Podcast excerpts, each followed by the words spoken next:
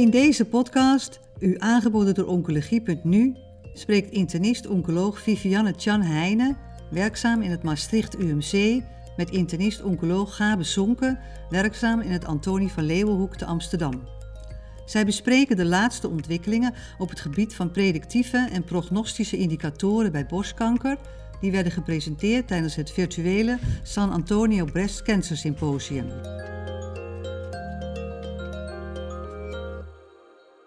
Welkom Gabe bij deze virtuele nabeschouwing van het virtueel San Antonio Congres, uh, borstkankercongres. Ik denk dat er weer heel veel interessante presentaties waren, uh, met name op afgelopen vrijdag. was erg interessant, uh, omdat het ging over het gebruik van predictieve en prognostische factoren ja. um, bij de indicatiestelling van chemotherapie. Um, en dan met subtypen van hormoonreceptor positief en HER2 negatief. En we kennen natuurlijk wel bij andere subtypes dat we daar vooral kijken naar het gebruik van neoadjuvante chemotherapie en dan nadenken over het vervolg van chemotherapie afhankelijk van de uh, PCR, pathologisch complete responspercentage. Maar PCR is bij het hormoonreceptor positief HER2-negatief mammocarcinoom net wat minder goed te gebruiken. Uh, nou ja, daar heeft men eigenlijk helemaal in detail naar gekeken met een x-aantal uh, lezingen, ook even voor de toehoorder, om even het overzicht te hebben. En ik denk zelf dat veel van deze studies vroeg of laat ook voor de praktijk echt wel een rol gaan spelen. Nu was de eerste interessante studie, vond ik zelf, um, de studie de RX Ponder van de SWOG, um, die door Kalinski was gepresenteerd. En in die studie uh, heeft men hormoontherapie alleen uh, vergeleken met hormoontherapie plus chemotherapie bij patiënten met uh, 1 tot 3 positieve lymfeklieren. Um, een ander inclusiecriterium was de uh, recurrent score van kleiner dan 25. En er werd nog gestratificeerd tussen twee subgroepen, uh, RS 013 versus RS 14 tot 25 en voor menopausale status. Wat vond je van die studie, uh, Gabe?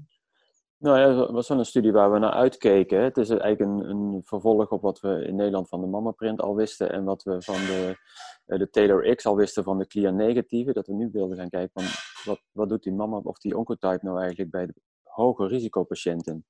Um, en, en wat je daaruit ziet is eigenlijk dat het een, een bevestiging is dat ook in die groep er een uh, een waarde is van een moleculaire, moleculaire test om te zien hoe je de prognose kunt inschatten het beste.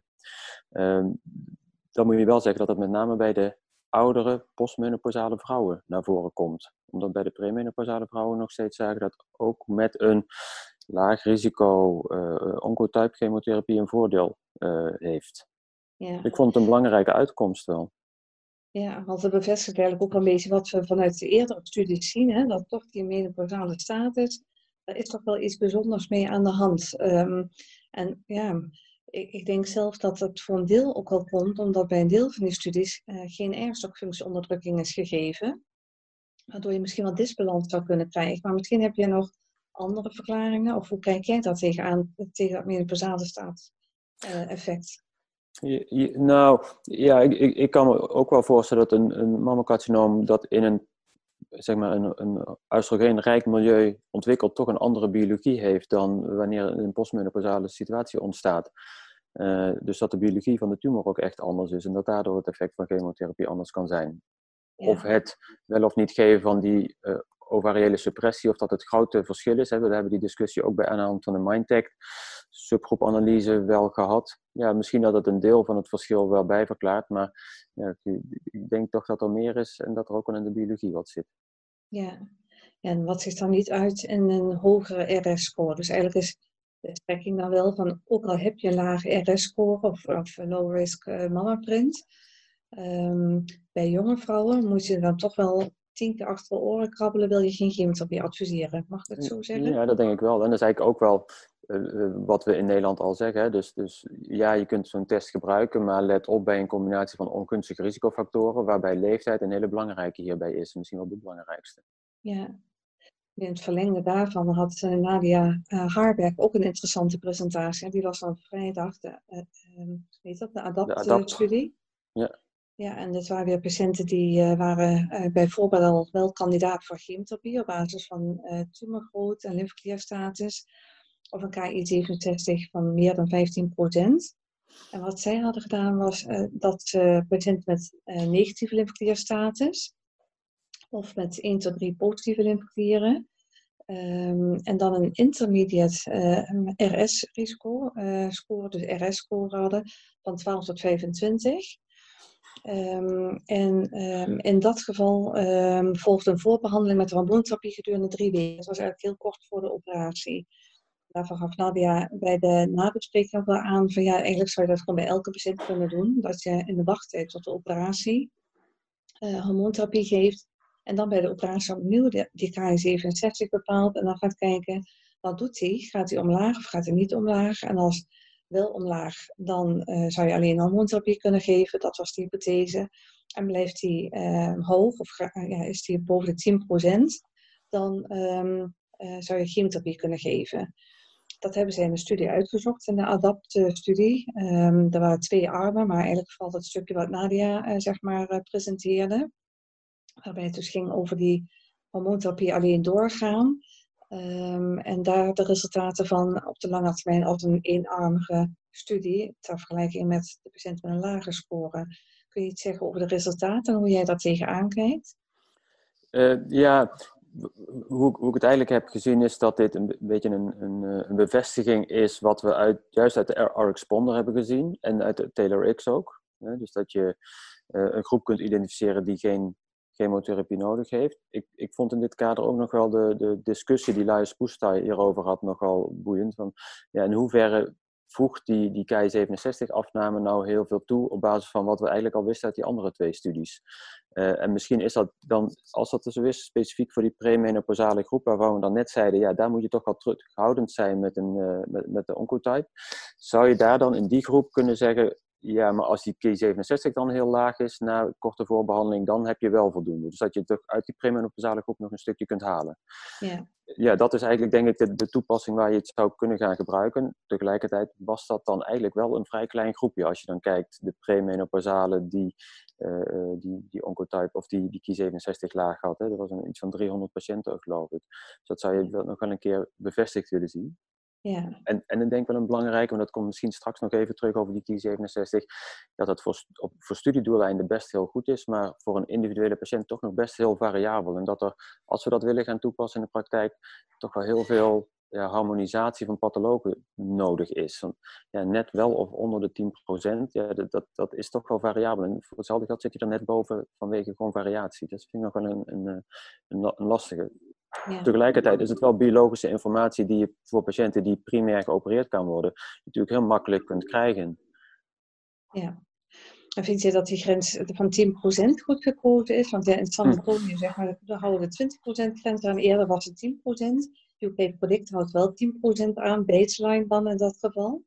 Ja, er zijn een paar, een paar, vragen nog over. Je kunt, de 10% komt uit de Poetic studie, die dit ook toch wel in, een, in, uh, in de etalage heeft gezet. Uh, zelf in Nederland met de NEO-LBC-studie kijken we eigenlijk naar veel lager. Zeg je, het moet echt heel laag zijn, een, een volledige cell cycle arrest met een Ki67 van 1% of lager. Of zelfs kleiner dan 1% geloof ik. Uh, dat is wel heel laag. Maar ik laat me ook wel eens door onze pathologen, Jelle Wesseling met name, vertellen te zeggen, ja, echt, wat we kunnen met een Ki67 is heel laag zeggen, laten we zeggen onder de 5%, of echt heel hoog, boven de 25% En daartussenin heb je een grote tussengroep. En de meeste cut-offs zitten juist in die grote tussengroep, wat, het een beetje ingewikkeld maakt. Dus een, een hele lage cut-off van bijvoorbeeld 5% of misschien zelfs 1% is denk ik wel robuuster in ieder geval. Ja, ja, precies. Dus dat is wel nog een dingetje, dat als we dat zo zouden gaan invoeren, stel dat, over een, een, tijd, dan, dan zijn daar sowieso kwaliteitscriteria nodig. Ook die grens is nog wel een topic van onderzoek doordat we daar uh, Precies, ja, alle, allebei inderdaad. En nou ja, nog, nog een kleine sidestep vanaf deze studie. De, de, het vervolg in Duitsland is nu de, de ADAPT Cycle, heet het geloof ik. Waarin ze nu gaan kijken in de patiënten die niet voor hormonale therapie en alleen in aanmerking komen, dus toch chemotherapie, of je dat dan kunt vervangen door CDK4-6-remming met hormoontherapie. Nou, dus denk ik ook gezien de data die we opnieuw op Nieuw San Antonio hebben gekregen, toch wel heel interessant hoe dat gaat ontwikkelen. Met ja, werkt het nu die CDK4-6-remming in deze setting? En zo ja, welke of niet? Uh, heel spannend hoe dat de komende jaren gaat ontwikkelen. Ja, dus maar hier zie je in ieder geval wel dat dus de gedachtegang van we kijken eerst alleen factoren heel naar het begin, dus de MABA-punt of de recurrence score in combinatie met een aantal uh, factoren zoals uh, leeftijd, um, te groot aan klierstatus. Wat er nu een factor bij is gekomen in onderzoek, waarbij er wordt gezegd, we geven kortdurend hormoontherapie en we kijken naar de effecten van op biologische gronden, in dit geval de KJ67. En wellicht kan ons dat nog beter helpen in de sturing. Dus dat is wel een, een verdere gedachtegang die steeds duidelijker naar voren komt in de loop der tijd. Ja, en, en dus ook al in de boogstudie, de NEO-LBC wordt, uh, wordt toegepast op diezelfde manier. Dus uh, ja. ja. zeker. Ja, ja, dat is mooi. Uh, ze gaven trouwens ook nog aan in de laatste dia dat er een algoritme is om te kunnen voorspellen vooraf um, of je een endocrine respons gaat krijgen. Dus als je dat allemaal invult, dan zie je vooraf de patiënt heeft, ik zeg maar wat, 60% kans dat er een goede respons is en dat er geen chemotherapie nadien nodig is.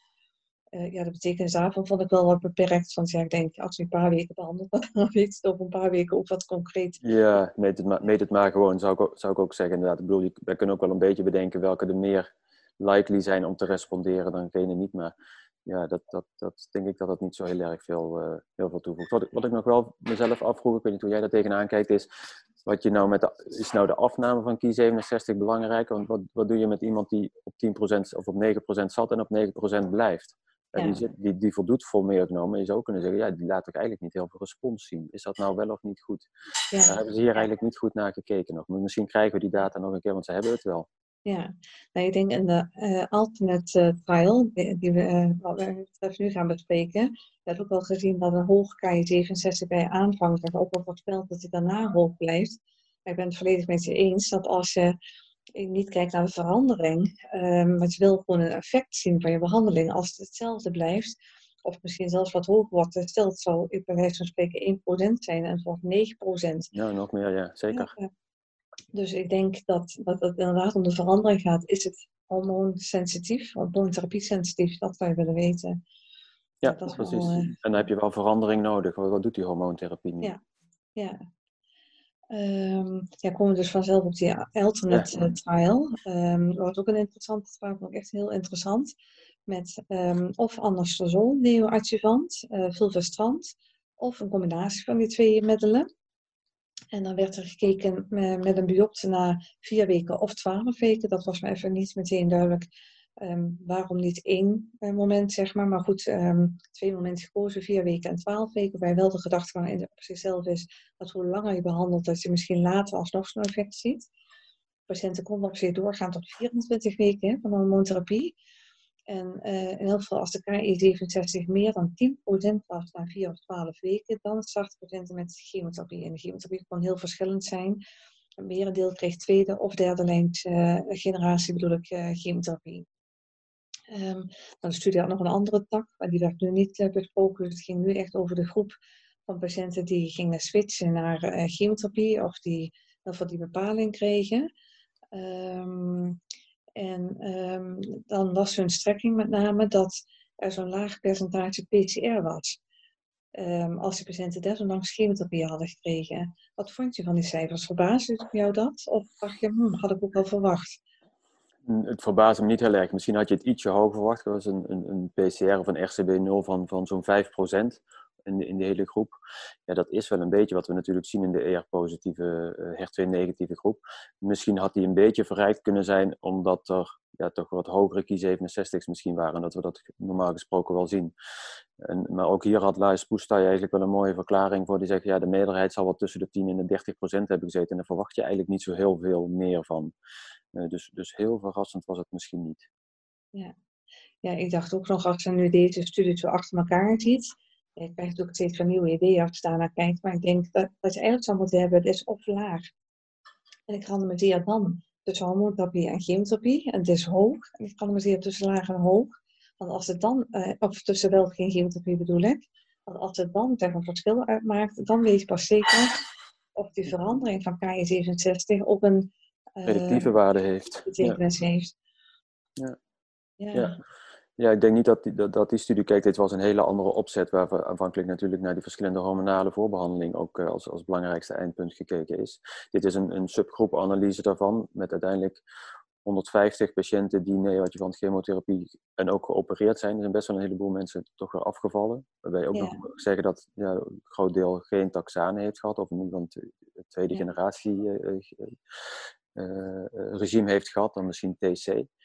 dus het had ook nog wel iets hoger kunnen zijn, misschien met, met volledige therapie, zoals wij dat meestal doen. Er zullen, goede, zullen goede redenen zijn geweest, misschien ook door, door toxiteit of noem maar op. Maar dat zijn wel dingen die je even mee moet wegen, denk ik, hierin. Ja. ja, plus dat een, een patlogisch complete remissie in deze groep nou ook niet heel erg prognostisch is. Dus wat de, wat de waarde dan is om een PCR te bereiken, hier is ook niet zo, uh, zo duidelijk. Ja. ja, want de strekking die de uh, presentator eigenlijk gaf was een beetje van ja, gewoon is iets met een hoge KI67, die is onvoldoende gedaald door de hormoontherapie. En dan zeggen we, nou, dat is een kandidaat voor chemotherapie. Hè? Dat was ook de strekking van het verhaal van uh, Nadia Harbeck. Maar de, de uh, presentator van de um, Alternate Trial, uh, zij gaf eigenlijk vooral aan van ja, het is maar de vraag of chemotherapie dan ook wel werkt. Dus een tumor die endocrine-therapie resistent is, is misschien ook wel chemotherapie resistent. Ja, dan kun je dus op basis van de PCR-cijfers eigenlijk nog niet zoveel conclusies aan verbinden. Ik denk dat die conclusie wat, wat, wat snel is eigenlijk, om door, door een aantal punten. Zowel dat die PCR niet heel, heel prognostisch is in deze groep, chemotherapie ja, niet altijd optimaal is geweest, er nog wel een selectie van patiënten is geweest. We weten natuurlijk uit andere data toch wel dat wanneer je, uh, dat die chemotherapie in deze groep gewoon een functie heeft. Hè. Net, laat maar kijken, de Eric Sponder, net met, zeker bij de jonge vrouwen. Chemotherapie draagt echt wel bij. Ja. Nu was het geloof ik een alternate trial, ben ik even kwijt, of was het, ja, ik denk een alternate trial, dat uh, drie klieren positief, even een heel sprongetje, um, dat drie klieren positief prognostisch wat ongunstiger was. Ja. Uh, ik was ook wel bezorgd over, heel eerlijk gezegd, want ik denk dat het een soort glijdende schaal is. Het is niet zo dat, dat het is dat nul per se goed is en één slechter. Want, uh, dus ik denk, het is wel dus met sorry, ik zeg het verkeerd, het is dus wel een beetje een glijdende schaal. En ergens klapt dat natuurlijk om, dat als het anatomisch te massaal al uh, aanwezig is, dat je misschien dan niet onder die chemotherapie uitkomt. Of denk je, nou, die biologie is toch veel meer bepalender, dus we zullen toch toe moeten naar die biologische parameters. Nee, ik denk dat het, en dat zien we straks misschien ook nog wel, dat het wel de combinatie is van klinische factoren en de biologie. We zo meteen die, uh, dat predictie ja. of de prognostische model bijvoorbeeld. En ik denk dat dat hier eigenlijk ook alweer van toepassing is. Maar ja, als je het hebt over dat aantal klieren, dat was een klein groepje, maar het kwam inderdaad naar voren dat als je drie klieren hebt, dat dat toch echt minder gunstig is. We zijn natuurlijk ook wel met alle de-escalatie chirurgische studies komen steeds minder te weten over de precieze klierstatus. Ja. Uh, dus dat, dat, dat is wel eentje om in het achterhoofd te houden. Ja, ja precies. Dus in feite zeggen we, we hebben misschien wel drie parameters.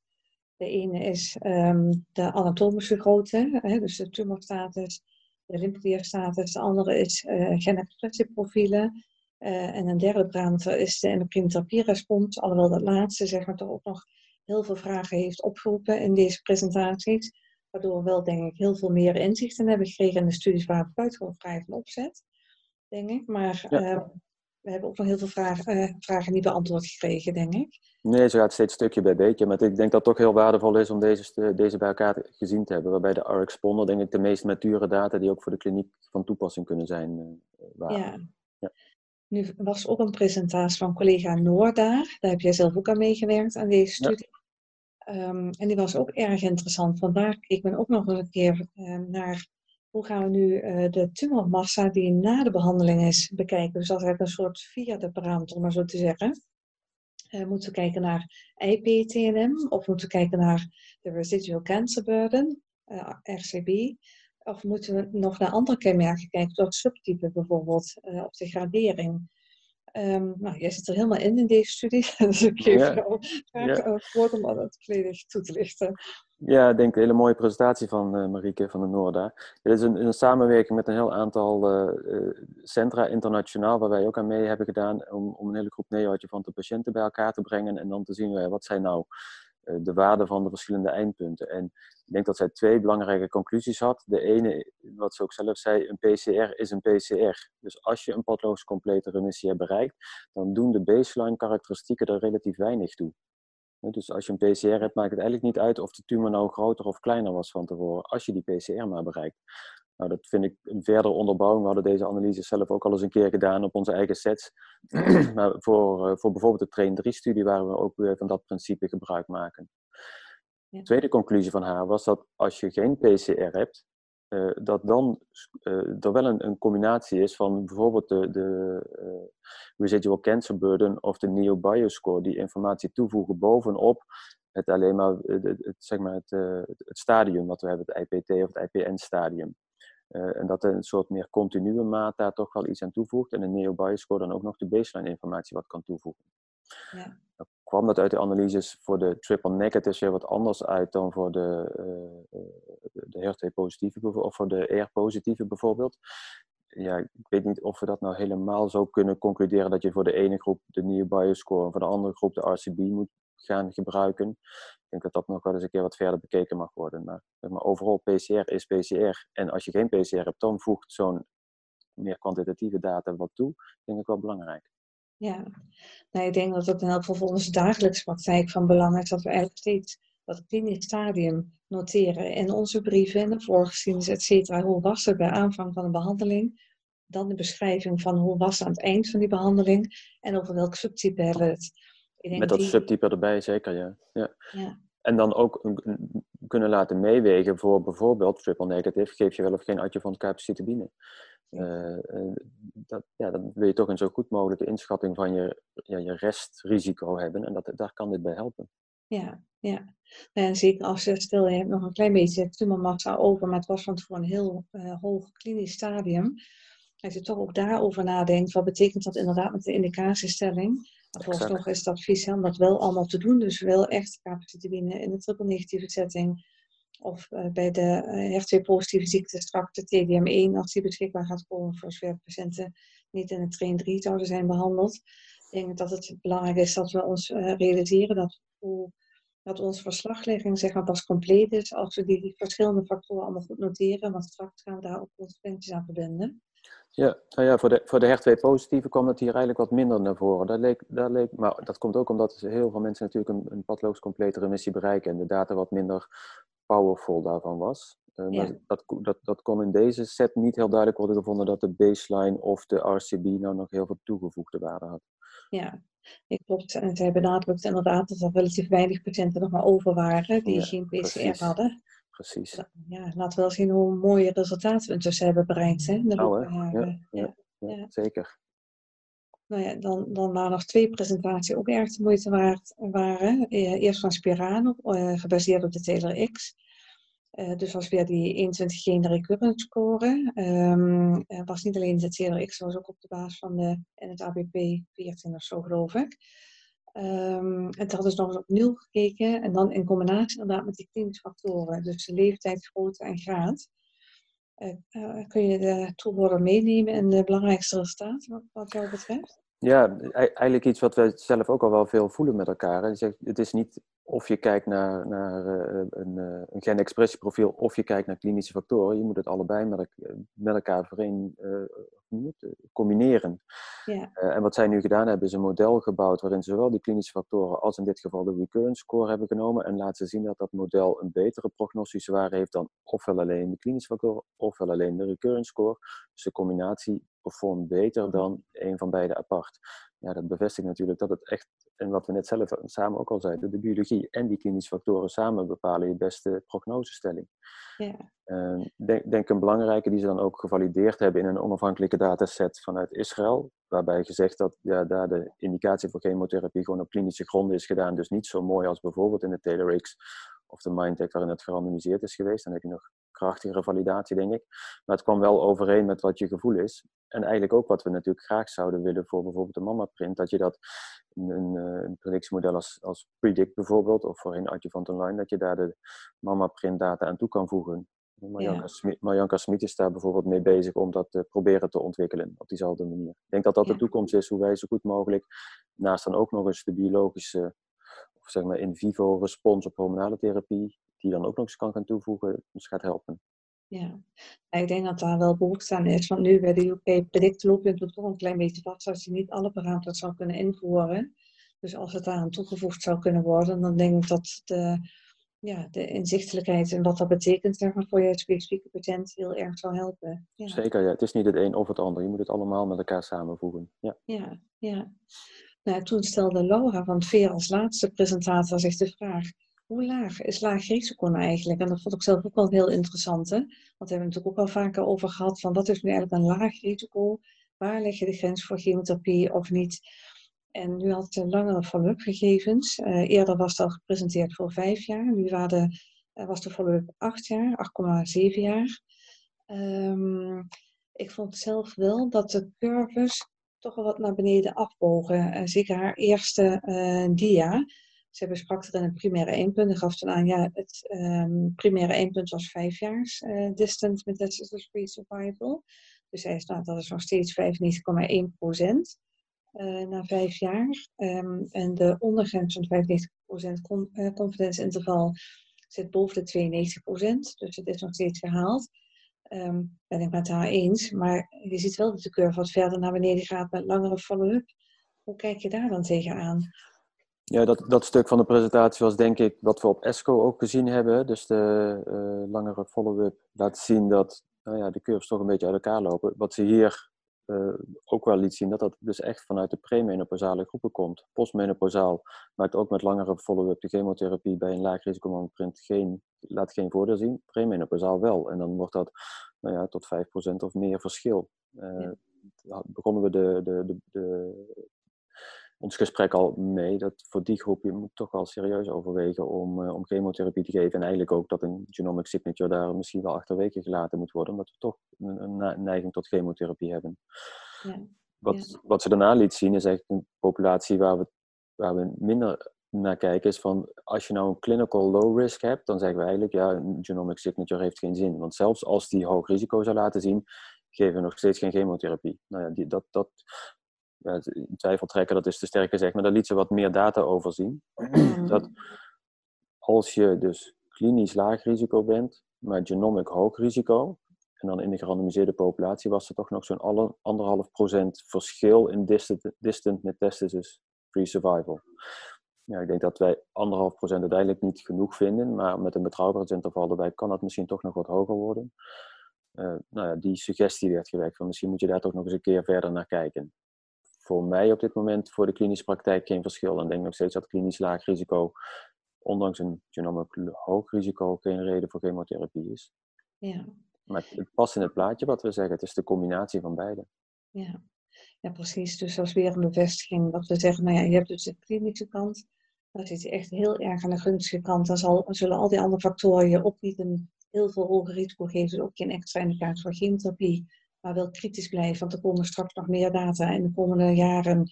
Dus we moeten dat als gedachtegang wel open houden. Want misschien zit er wel een subgroep van patiënten in die wel degelijk die uitgebreider uh, uit elkaar gaan van de curves heeft.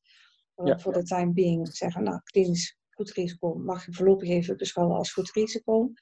En dan heb je die tussengroep. Um, en als dan deze prints inzet of uh, andere expressieprofielen dan zeggen we eigenlijk, ja, bij een lage leeftijd, dus premenopausale status moet ik eigenlijk zeggen, uh, dan uh, moet je toch wel heel voorzichtig zijn om te veranderen, uh, om geen chemotherapie te gaan geven.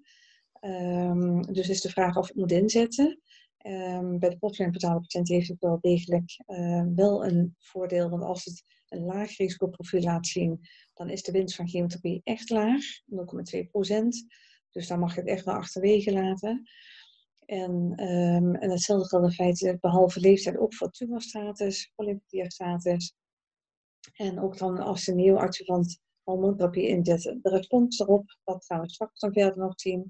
Dat kan meegewogen worden in die indicatiestelling. Dus we kunnen misschien nog wat specifieker worden. Ja, ik denk wel, dit is echt personalized treatment uh, in de dop, hè? Dus, uh, op een top, moet ik zo zeggen. Op, op, op een top, inderdaad. Hele, helemaal, ja. ja, ja. en als je, als je naar de toekomst kijkt, denk ik dat je, nou ja, dat zeiden we al bijvoorbeeld over die Key67, nou misschien gaan we nog wel meer data krijgen. Wat toch ook wel een spannende ontwikkeling is, de data over uh, eh, ctDNA of CTC's, of dat ons nog gaat helpen. Hè. Er waren ook wel wat, wat, wat andere praatjes, niet in de general sessies direct, maar ook nog eentje. Maar ik, ik, denk zeker dat dat ook iets is waar we de komende jaren steeds meer mee gaan horen om dit nog verder te fine-tunen. Ja, er komen nu ook een paar studies staan inderdaad aan, of die zijn misschien al bezig van deel. Um, dat je inderdaad wel of geen chemotherapie uh, aanvullend nog gaat adviseren op basis van circulerend uh, tumor-DNA of andere doelgerichte therapieën. Dus ja, dat is mega interessant. Absoluut, ja. ja, ja. En daarvan was de vraag, uh, we hadden bij ons ook in de groep zeg maar lokaal besproken van hoe gaan we dat dan communiceren richting patiënten uh, ja, in feite kun je ook daarvan weer zeggen, als je dingen vindt, in dit geval circulaire tumor um, cellen of DNA, ehm, dan kan dat een aanwijzing zijn op volgrisico preventief. Dus extra behandelopties verhoogt gewoon je kans op genezing wellicht. En dat gaan we uitzoeken in die trials. Dus als mensen uh, straks, hè, als die trials al beschikbaar komen, is ook heel belangrijk dat we patiënten goed includeren in die trials. En goed verwijzen als, dat, als dat lokaal niet heeft. Ja, zeker. Wat, wat heel makkelijk. Ik vind het ook nog wel een, een uitdaging om dan mensen nou, bijvoorbeeld geen therapie aan te bieden op het moment dat je weet dat er wel nog circulerende tumorcellen zijn. Waarbij we feitelijk eigenlijk de prognostische waarde daar niet helemaal van weten. Maar het is natuurlijk wel een moeilijk, een moeilijk gesprek in dat, uh, in dat geval. Dus daar moeten we met elkaar denk ik heel goed over nadenken. En zeker ook de patiëntenvereniging daar heel vroeg bij betrekken wanneer dit soort studies uh, worden opgezet, worden uitgevoerd. Dat het zo belangrijk is. Ja, ik moet wel altijd terugdenken aan een heel oude studie van je Je kunt herinneren, een studie van Klaus Pontel. Ja, ik weet het, ja. ja, ja. En die had toen op een gegeven moment 20 jaar cijfers van patiënten met allemaal bekkenbiopten. Ja. Um, die hij destijds had gedaan. En een, een, belangrijk deel van die patiënten had nooit meer een nee. recidief gekregen, maar wel die tumorcellen in dat bekken. Ja, bijzonder. Hè? Bijzonder. Ja, ja dat, soort, dat soort gegevens moeten we daarbij gebruiken. Maar het geeft aan dat iets wat zo logisch lijkt, toch niet altijd klopt. Ja. Uh, maar het, ik kan me direct voorstellen dat het ook heel moeilijk uitleggen is aan patiënten wanneer je het wel vindt. Uh, dus je moet je soms wel afvragen ja. of je dat dan wel moet communiceren zelf. Nou ja, goed, het gaat ver voor mm -hmm. nu, maar uh, ja. een heleboel interessante zaken. Ja, nou volgens mij hebben we echt een heel belangrijk deel van, van de vrijdag de revue laten passeren. Ik wil je heel hartelijk uh, danken voor al jouw um, input die je vandaag op hebt geleverd. Uh, vond een heel leuk gesprek. Ja, heel graag gedaan. Uh, heel boeiend. En tot de volgende keer weer. Ja, is goed. Dag. Dag. Bent u geïnteresseerd in meer podcasts? Deze zijn te vinden op de website oncologie.nu.